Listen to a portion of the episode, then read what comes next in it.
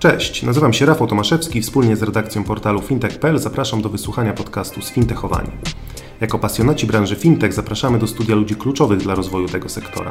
Przeprowadzamy z nim pogłębione rozmowy zarówno o luźnych kwestiach, jak i pogawędki na tematy bardziej skomplikowane. Zajmujemy się wszystkim tym, co w codziennym kontakcie z branżą finansową może umknąć uwadze odbiorców. Codzienne newsy związane z fintechami, bankami czy innowacjami technologicznymi przeczytacie na fintech.pl oraz na naszej facebookowej grupie Sfintechowani. Dzień dobry Państwu. Ja nazywam się Rafał Tomaszewski, jestem redaktorem serwisu fintech.pl. Zapraszam na kolejny odcinek naszego podcastu. Tym razem naszym gościem jest Cezary Graf, doradca majątkowy praktykujący przy Placu Trzech Krzyży, a także online. Dzień dobry. Dzień dobry. Porozmawiamy dzisiaj przede wszystkim o obecnej sytuacji na rynkach finansowych i także o perspektywach na najbliższych kilka miesięcy. Nie zabraknie też tematów związanych z branżą fintech. Przejdźmy zatem może od razu do pierwszego pytania. No ciężko nie zacząć rozmowy od y, tematu pandemii i wpływu, jej wpływu na rynki finansowe. Jak Twoim zdaniem rynek będzie wyglądał w najbliższych, w ciągu najbliższych kilku miesięcy? Jak się zmieni? Jakie będą skutki pandemii? Rzeczywistość się zmieni. E, dobrego kryzysu nie należy zmarnować. Ja też przestrzegał osoby, które się wypowiadają, bo coraz jest jakby szerszy w internecie nurt mówienia o tym, że a świrus nie miał znaczenia, że to było dęte tylko statystycznie i nakręcane medialnie. Owszem, to co było w ostatnich miesiącach prawdopodobnie tak, ale wcale nie zdziwiłbym się, jeżeli jesienią, zimą w sposób naturalny lub nienaturalny wróci coś groźniejszego. I wtedy bardzo mocną kartę do ręki dostaną wszyscy ci, którzy zapędzali do domu, kazali zakładać szmatki na twarz, a nie pozwalali wchodzić do lasu i tak dalej, i tak. Oczywiście ja to specjalnie hiperbolizuję teraz, natomiast to się może tak skończyć. Wait and see. Poczekałbym i zobaczył na drugą, trzecią kolejną falę. Hiszpanka miała trzy w 1918-1920, z czego druga najgroźniejsza. Jak będzie teraz? Zobaczmy. Natomiast jak będzie wyglądał świat zupełnie inaczej.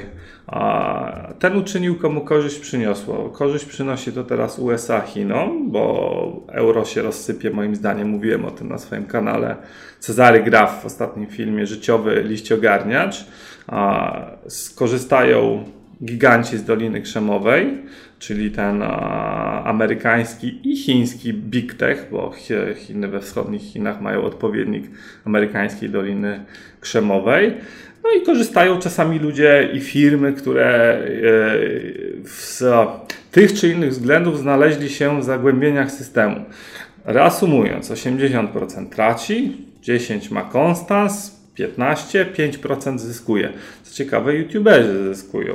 I to spodziewam się, stawiam tezę, że będzie gigantyczny wysłup kanałów na YouTubie przez kolejne 24 miesiące w Polsce i na świecie. Bo jeśli ktoś odkrywa, że restauracja jest zamknięta, a YouTube nie, to może go to pchać w kierunku YouTube'a.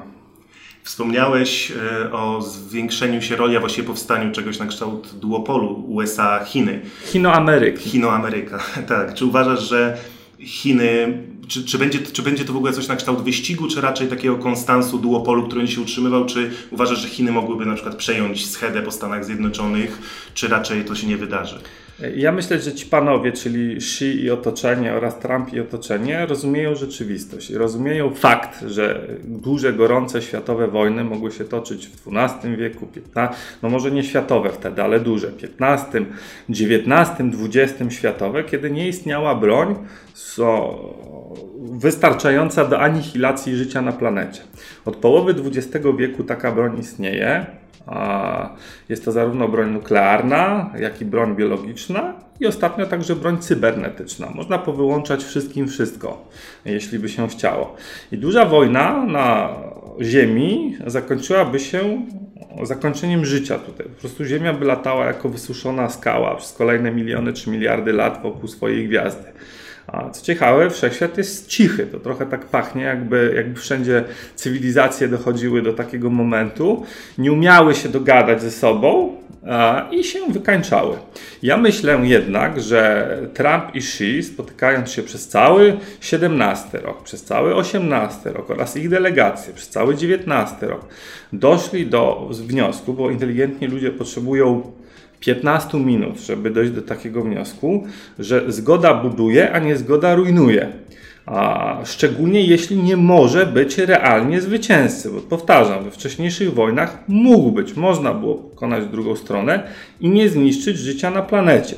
Dzisiaj, jeśli w, w szranki stają mocarstwa, nie ma takiej możliwości. Nie ma takiej możliwości.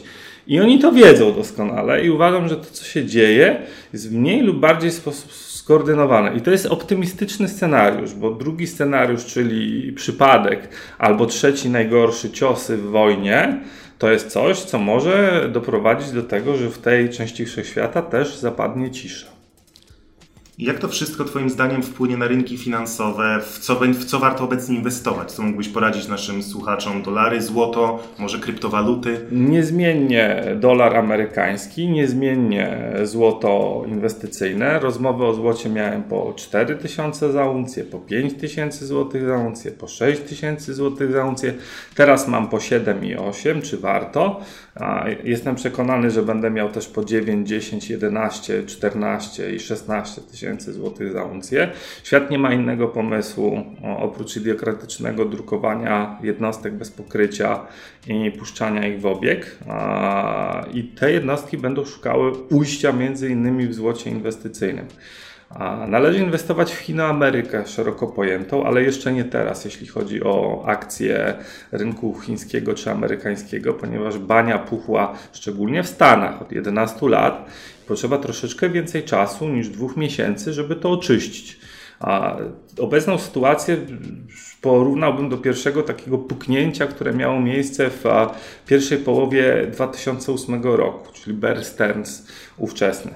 jeszcze najciekawsze przed nami. Ciekawa będzie jesień, ciekawa będzie bardzo zima, ciekawa będzie kolejna wiosna.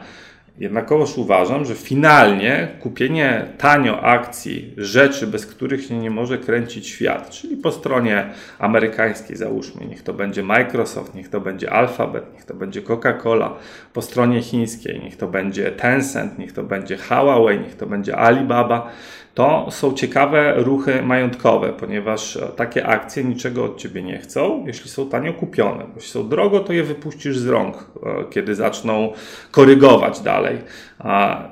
Jedną rzecz tylko chcą raz w roku zapłacić dywidendę. I osobiście nie uważam, żeby sens było, no niestety tak to wygląda teraz majątkowo, szukania jednego na tysiąc startupów, który wypali, tylko uważam, że majątkowo, jeśli chodzi o rynek equities, sens ma kupienie tanio akcji firm na rynku amerykańskim, rynku chińskim, bez których obecny świat nie może funkcjonować. Rzeczy sprawdzonych. A kryptowaluty? Myślisz, że w najbliższych miesiącach Bitcoin i spółka mogą się doczekać kolejnych wzrostów? Tak, spodziewam się hossy na tym rynku w ciągu 12 miesięcy, kontynuacji zasadniczo. Prawdopodobnie to, co mamy od jakiegoś czasu, oczywiście nie bez zakrętu, bo ten rynek jest taki, że on słabe ręce wygina, wy, wy, łamie. A to jest kolejna hossa, być może ostatnia, być może przedostatnia. Jest to pytanie warte miliony. Czy to jest ostatnia, czy przedostatnia hossa krypto? Jest to bardzo istotne pytanie. Nie znam na nie odpowiedzi w tym momencie, ale uważam, że do nowych szczytów dojdziemy w ciągu 12 miesięcy, około 12 miesięcy od teraz, czyli powiedzmy gdzieś do połowy 2021 roku maksymalnie i ona dla Bitcoina będzie w przedziale 35-60 tysięcy dolarów za sztukę, natomiast altcoinów adekwatnie. Trzeba będzie zobaczyć e, w okolicach 35 tysięcy dolarów za bitcoina na wyceny poszczególnych altcoinów i spróbować wyznaczyć tego typu zakresy dla nich. Ale gdzieś w okolicach 35 zabitka, ponieważ e, nie wiemy, czy jak zwykle one przereagują, pójdą podobnie jak Bitcoin, czy będą relatywnie słabsze. Nie wiemy tego. No skoro, skoro warto inwestować w kryptowaluty, to co byś poradził tym osobom, które do tej pory tego nie robiły, a chciałyby spróbować? Od czego zacząć, na co się przygotować, na co uważać? Zapraszam na konsultacje przy Placu Trzech Krzyży i na kanał Cezary Graf YouTube oraz na social media LinkedIn, Twitter, Facebook, bo tam jest niekorzystnie zachwiana proporcja. Otóż 90-95% podmiotów to są Krzaki, niegodne zaufania, 95% kryptowalut, 95% portfeli, 95% giełd. Na 5000 giełd kryptowalutowych, które są na świecie, może z 50 ma jakikolwiek sens, a, a 5 największy. Więc jak ktoś wchodzi zielony, to ma statystycznie większą szansę na to, że wdepnie w krzaka. No bo jeśli jest tak proporcja tak zachwiana niekorzystnie w, w kierunku krzaków, no to wchodząc zielonym z reguły wylosuje się krzaka. Tak? To samo jest z kryptowalutami. Jest 15 tysięcy kryptowalut, 50 może ma jakikolwiek sens, 5 duży. A podobnie jest z portfelami i to się nakłada. Korzystanie z krypto to jest odpowiednia giełda, odpowiedni portfel i odpowiednia kryptowaluta. I timing, i psychika, bo tam bez naprawdę jaj ze stali bądź bardzo małej pozycji, bo to jest druga opcja, mieć pozycję 2, 3, 5% płynnego majątku, nie ma czego szukać, bo wytrąci ten rynek pozycję, połamie ręce. No porozmawiajmy też trochę w takim razie o rynku fintech, skoro już byliśmy przy kryptowalutach.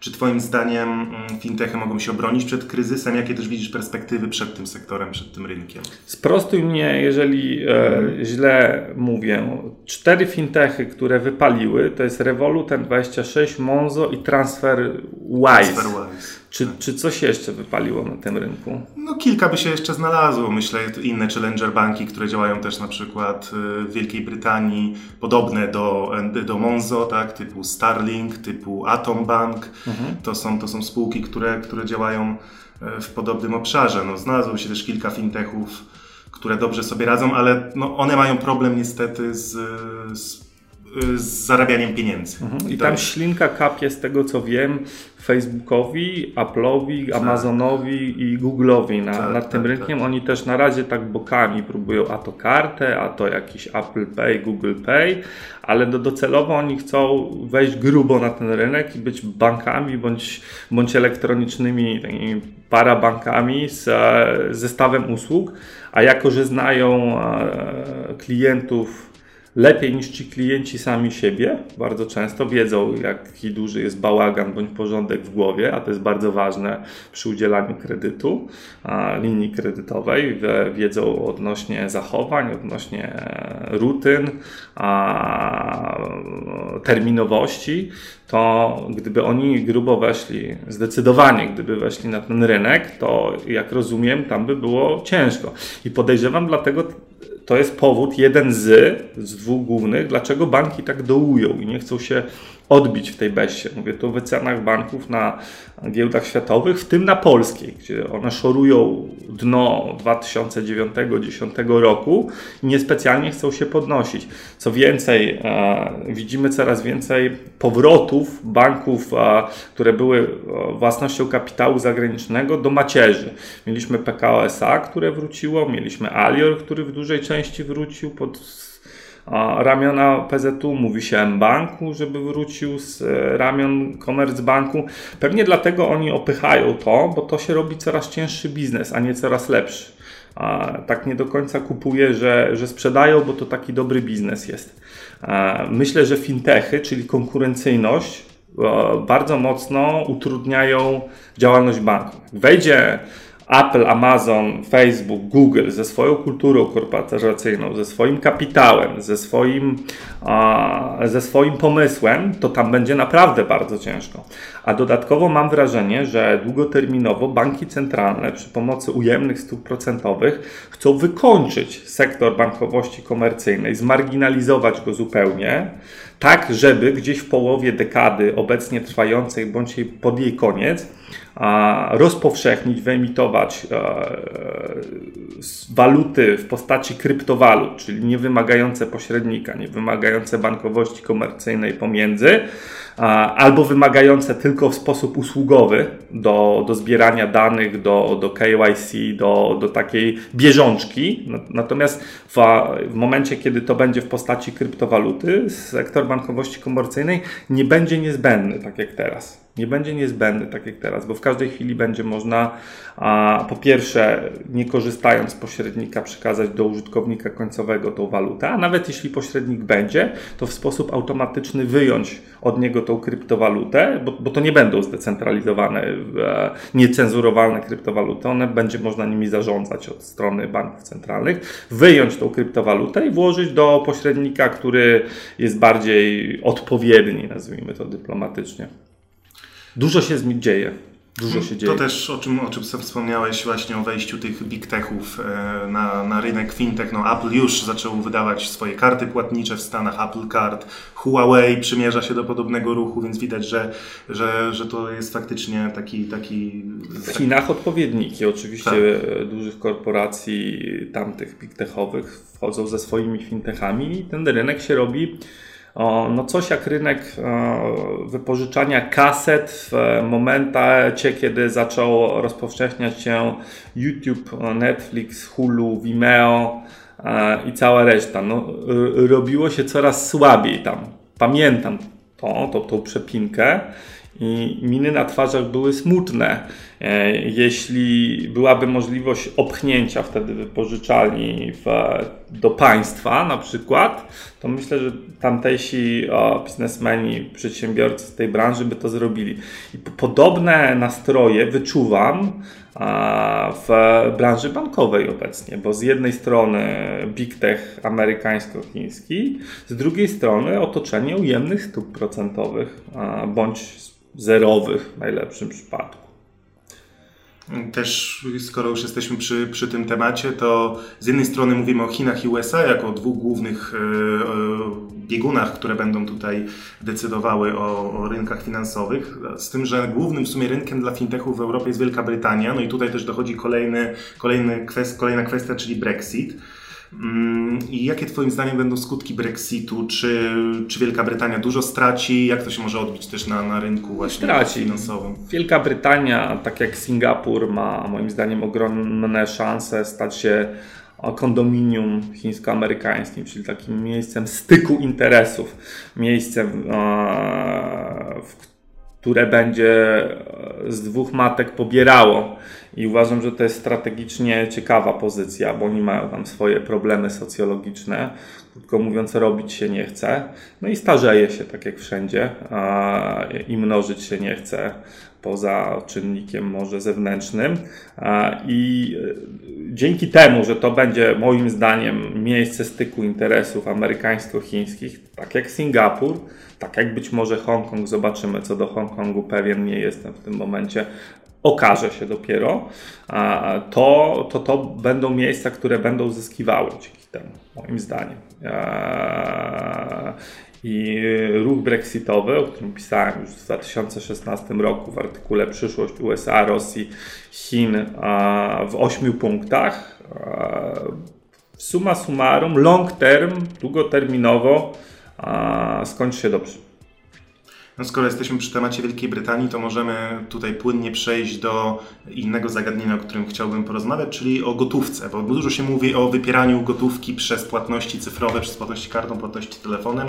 Wielka Brytania jest jednym z najbardziej bezgotówkowych rynków na świecie. W Europie to Szwecja też można powiedzieć, że im dorównuje. To są takie dwa kraje, które na tym polu przodują. Niemniej oba te kraje mierzą się z pewnym problemem, który można nazwać problemem wykluczenia finansowego dla osób, które na przykład chcą zapłacić gotówką, że w wielu miejscach to już nie jest nie jest możliwe i pojawiają się pomysły, żeby może jednak trochę wracać do tej gotówki, że to nie jest wcale takie dobre jej likwidowanie. Mhm. Co, co, ty myślisz na ten temat? Czy, czy uważasz, że gotówka faktycznie może zniknąć w przeciągu kilku lat, czy to w ogóle jest niemożliwe? Riksbank zauważył, że jak się za bardzo, czyli bank centralny szwedzki, za bardzo eliminuje gotówkę, to pewne działy gospodarki zanikają zupełnie, bo facet nie chce mieć na historii karty wizyty w salonie masażu, bo kwieciarka nie porejestruje się ze wszystkim, żeby stać na rogu z terminalem i zarabiać tam, nie wiem, 200 koron dziennie. Bo e, jak e, korupcja jest wszędzie, także w Szwecji, jak ona jest uprawiana, to zaczęła być uprawiana w euro, dolarze i franku. I Riksbank widział z tego nul, zero. Po prostu ten no, waluty nie ma, no to używamy innej. I oni doszli do konstatacji, że trzeba zostawić trochę gotówki. Może nie w tej wersji, którą znamy od ostatnich 200-300 lat, czyli wersji papierowych prostokącików, bądź takich z laminatu ostatnio, tylko w wersji a, kryptowalutowej. I Riksbank pracuje nad swoją ekroną, czyli a, kryptowalutą banku centralnego, która oni się zastanawiają mocno, ale jeśli miałaby a, służyć jako gotówka, to musiałaby mieć cechy gotówki, czyli być anonimowa, nie przypisana do konta a, i niecenzurowalna, czyli ja mogę tobie, ty możesz mi i te transakcje nie muszą być w żaden sposób klepnięte. Zobaczymy. Ta dekada, dekada 2030, będzie absolutnie kluczowa z punktu widzenia systemu monetarnego i finansów na świecie. Wspomniałeś już wcześniej właśnie o cyfrowych walutach emitowanych przez banki centralne i tutaj mówiłeś o Szwecji, ale też Bank Anglii, czy Bank Centralny Szwajcarii, Japonii, Kanady. E, nawiązały porozumienie, jeszcze do tego doszedł Europejski Bank Centralny, Bank Rozrachunków Międzynarodowych, podpisały porozumienie, w ramach którego mają razem badać, czy to się opłaca, jak to, jak to zrobić, czy to, się, czy to da się w ogóle zrobić. E, więc myślisz, że tutaj faktycznie to będzie ta przyszłość, że, że banki centralne będą emitowały własne waluty cyfrowe? Tak, bo, bo to da, daje możliwość zepchnąć bankowość komercyjną do roli szatniarza. E, ona teraz tam się dzieją patologie pewne, przecież wiemy o tym, i, ale z, nim, z nich nie ma jak zrezygnować, bo przecież w sposób elektroniczny nie wypłacisz sobie tej gotówki do telefonu czy, do, czy na inny portfel sprzętowy. Natomiast kryptowaluta daje taką możliwość. Dlaczego nie mogłaby być kryptowalutą banku centralnego? Mogłaby być i będzie. Co więcej, myślę, że Chińczycy, którzy są pod sam koniec testów, tam już w pewnych prowincjach, w pewnych miejscach to hula, E, wybiegną ponad, przed peleton i to przyspieszy wypadki, bo to będzie sytuacja taka, że albo zostajesz, albo podążasz technolo za technologią jako bank centralny, albo zostajesz Aztekiem, Majem, e, czymś aborygenem. A jedno z dwóch. Jedno z dwóch. Oczywiście będą banki centralne, może jeden między Odrą a Bugiem, który się będzie długo bronił przed tymi rozwiązaniami. To się, tak jak dla Azteków, a Majów, źle skończy. I myślę, że tutaj to jest dobry moment, żeby postawić kropkę. I dziękuję uprzejmie gościem podcastu Fintech był Cezary Graf. Ja nazywam się Rafał Tomaszewski i zapraszam na kolejną audycję już wkrótce. Myślcie mądrze o swoich pieniądzach. Do zobaczenia, do usłyszenia.